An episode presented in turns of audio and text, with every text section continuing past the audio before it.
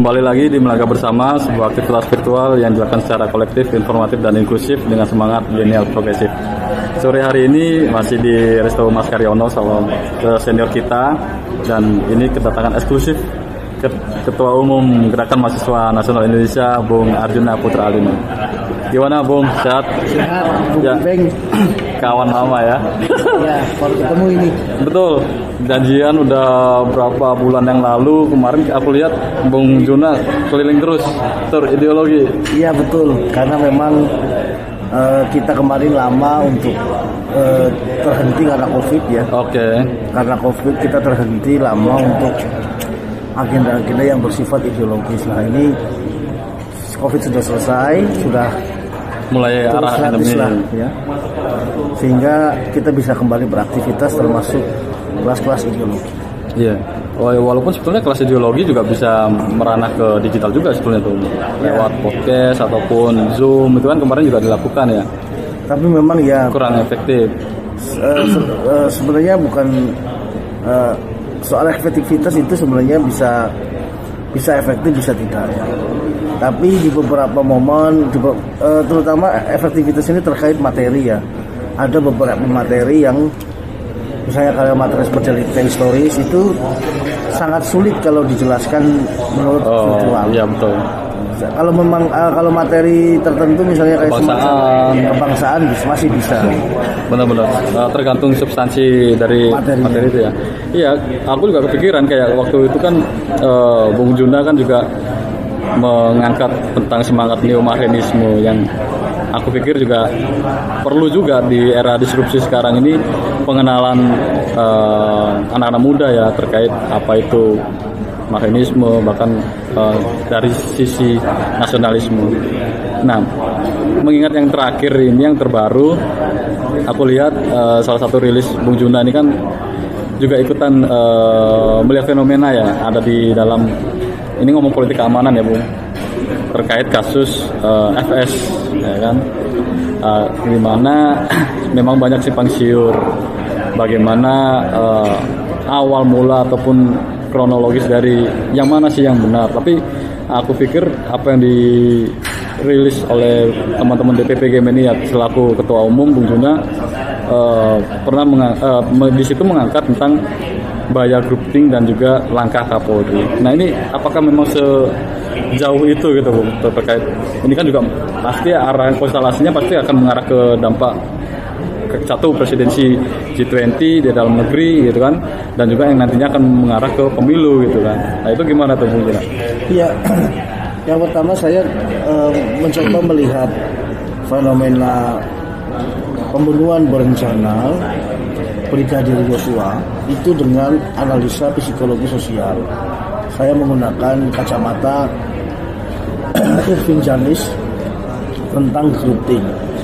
Nah, Irving Janis melihat grouping itu eh, dulu dia menganalisa Watergate, skandal Watergate yang dilakukan oleh Richard Nixon, Presiden Amerika Serikat, dan juga invasi Teluk Babi yang juga dikeluarkan kebijakannya oleh John F. Kennedy. Nah, saya sekilas membaca itu, kemudian saya mencoba mengkonstruksikan dengan beberapa informasi yang saya dapatkan tentang kasus pembunuhan berencana Brigadir J. Saya melihat bahwa ada pola yang sistematis, terstruktur dari upaya penghilangan barang bukti ataupun menghalang-halangi proses penyidikan dari kasus pembunuhan. Oh betul ya. Nah, apa yang menyebabkan pertanyaannya kan itu? Kok bisa tindakannya sistematis dan struktur? Nah, saya melihat ini ada sebuah grouping nih dalam lingkungan Polri. grouping ini sebenarnya bukan teori baru ya, tapi coba saya aplikasikan sehingga kita bisa melihat fenomena terdalamnya. Grouping ini sebenarnya semacam kerangka psikologis yang dikeluarkan oleh jumlah kelompok kan, atau sebuah relasi sosial dalam kelompok sosial yang kemudian menjadi semacam eh, kerangka solidarity. Nah,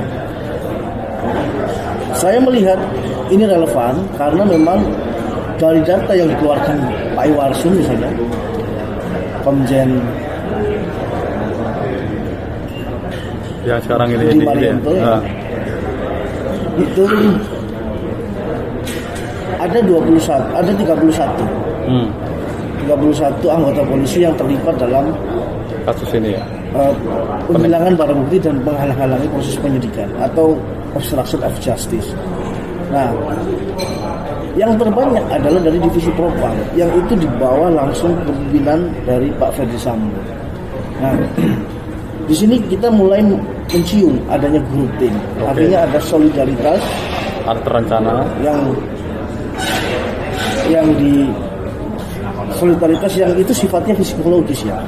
Eh, jadi semacam ada tekanan psikologis, ada eh, keharusan itu. semacam kewajiban, keharusan yang itu sebenarnya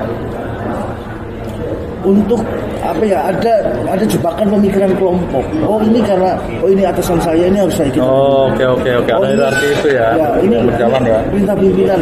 Oke, harus ini. Padahal kan kita tahu bahwa di dalam Polri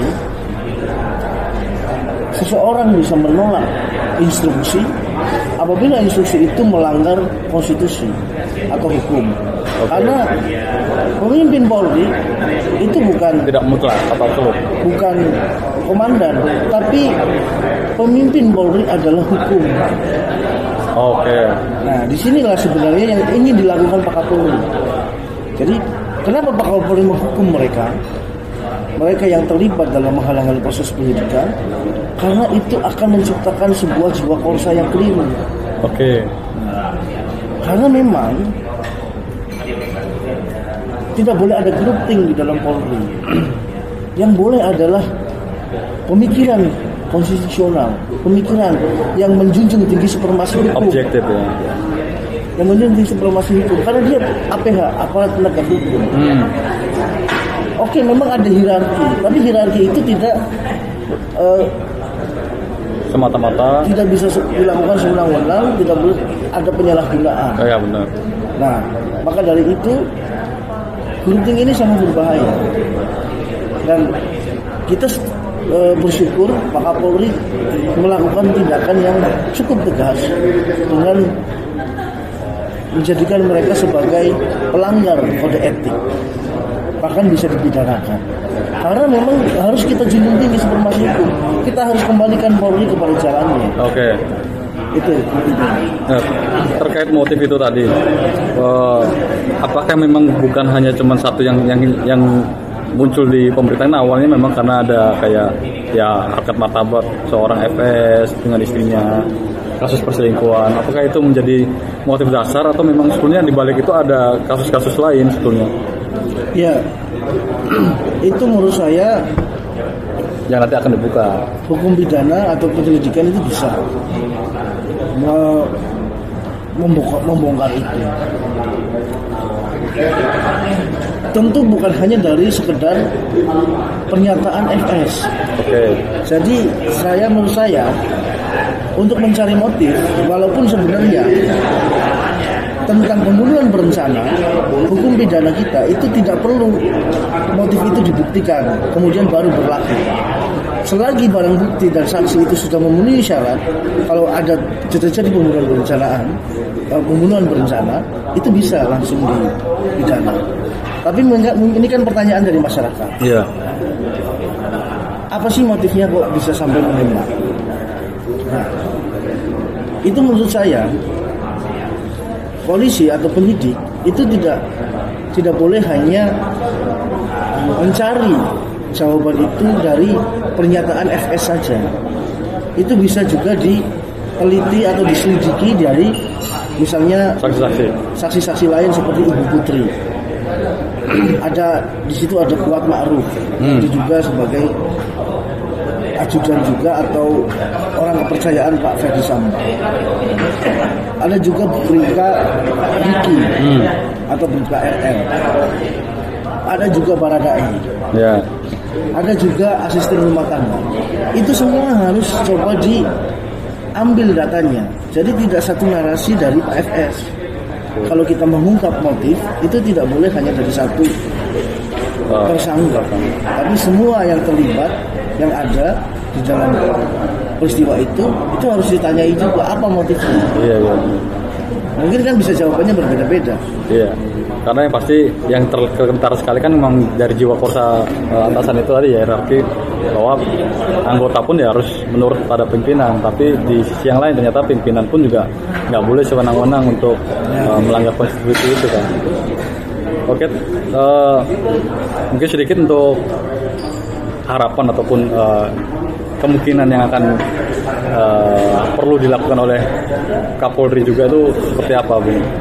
Iya, saya kira langkah Pak Kapolri ini sudah benar ya. Di awal dia, ini menurutku langkah yang menentukan yaitu ketika Pak Kapolri mengambil kebijakan membuat tim khusus terus kemudian melibatkan pihak eksternal dan mencoba transparan dan objektif itu langkah yang menentukan karena kita tahu ada grouping yang bekerja. Ya, ya, ya. mencoba menghalang-halangi ini proses penyidikan tapi ketika ini dibuka grouping ini kemudian bisa tidak bisa lagi efektif bekerja. Nah ini menentukan langkah Kapolri dan itu yang harus kita apresiasi. Yang pertama itu. Yang kedua keterbukaan dan objektivitas yang sudah dilakukan Pak Kapolri. Seharusnya ini terlembagakan dalam nilai-nilai kepolisian. Kalau bisa kalau bisa kita usulkan dalam pendidikan akpol misalnya itu pemahaman tentang keterbukaan transparansi Profesionalitas. supremasi hukum profesionalitas itu harus ditekankan. Karena kita melihat bahwa ini ada semacam eh, mengorganisir kepentingan pribadi yang kemudian menjadi betul. kemudian menghalang-halangi proses penyidikan. Nah ini kan berbahaya. Ini yang dirugikan hanya adalah institusi Polri. Nah maka dari itu kalau bisa kurikulum pendidikan akpol misalnya itu harus kembali dilihat dan harus kembali ditekankan pada aspek-aspek semacam profesionalitas objektivitas transparansi sebagai pelayanan masyarakat itu ya. hukum iya pelayanan masyarakat. Jadi sehingga tidak muncul jiwa korsa yang keliru. Itu yang menurut saya yang berbahaya dan itu yang harus kita tekankan. Ini yang kedua. Yang ketiga kita harapkan Polri tetap terbuka dan berani ini kan keberanian ini sudah dilakukan kemarin Oke. ini menurut saya harus dilanjutkan keberanian ini yaitu berani menindak tegas anggota-anggota polisi yang diduga terlibat penyalahgunaan wewenang untuk menghilangkan barang bukti atau obstruction obs- obstruction of justice. Nah ini penting. Bisa dipidana, bisa atau pelanggaran etika. Kalau bisa dicopot secara tidak hormat.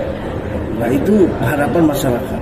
Karena ini menjadi benalu Iya. di dalam institusi Polri. Biar nggak tuman ya. Ya, ini perlu dilakukan penertiban, pendisiplinan, nah sehingga Polri ini bisa berjalan dengan baik. Saya kira sayang ya, Pak Kapolri, Bapak Jenderal Listio Sigit sudah kita tahu dalam eh, pandemi kemarin benar-benar melakukan tindakan-tindakan yang besar, benar-benar melakukan eh, gerakan-gerakan yang menurut saya menyelamatkan banyak eh, masyarakat Indonesia dan mensupport Stabilitas. uh, program-program pemerintah seperti vaksinasi, Iya. minyak goreng, bahkan penyakit kuku, iya. sapi dan sebagainya hingga apa eh, bansos itu semua polisi Kapolri terlibat Oke. dan berada di garda depan dalam program-program itu. Nah, ini kan institusi Polri sudah eh, elektabilitasnya taruhlah ya kalau dalam atau eh, tingkat kepercayaan kepada Polri ini sudah meningkat di era Pak Sigit ini. Nah ini kok dirusak. Iya iya iya. Nah ini yang menurut saya sangat disayangkan dan ini adalah harus menjadi momentum untuk kembali bangkit Oke. Polri ini. Ya, Terutama dari sisi integritas itu ya. Yes, Ya, penting. semoga semua uh, menjadi titik terang juga karena ini juga bukan hanya konsen di masyarakat apa penonton ataupun netizen juga ya tuh tapi juga akan dampaknya juga yaitu tadi situasi di dalam negeri sendiri ya selain dari komposisi dari elit politik sendiri kita juga akan menghadapi yang itu tadi stabilitas politik dalam negeri selain ya itu tadi kayak kayak yang krisis pangan yang mulai muncul karena dampak dari perang Rusia dan Ukraina dan juga pandemi ini yang sudah melandai tapi kemudian masih ada gejolak dalam transisi itu. Oke, eh, terima kasih atas waktunya Bung Juna. Mungkin ke depan nanti kita bisa ngobrol-ngobrol santai lagi sambil Siap. ngopi dengan seluruh gagasan dari Bung Juna. Kita tunggu untuk dicurahkan di program Terima Sobat kasih Ipeng. Sehat selalu, Tum. Sehat.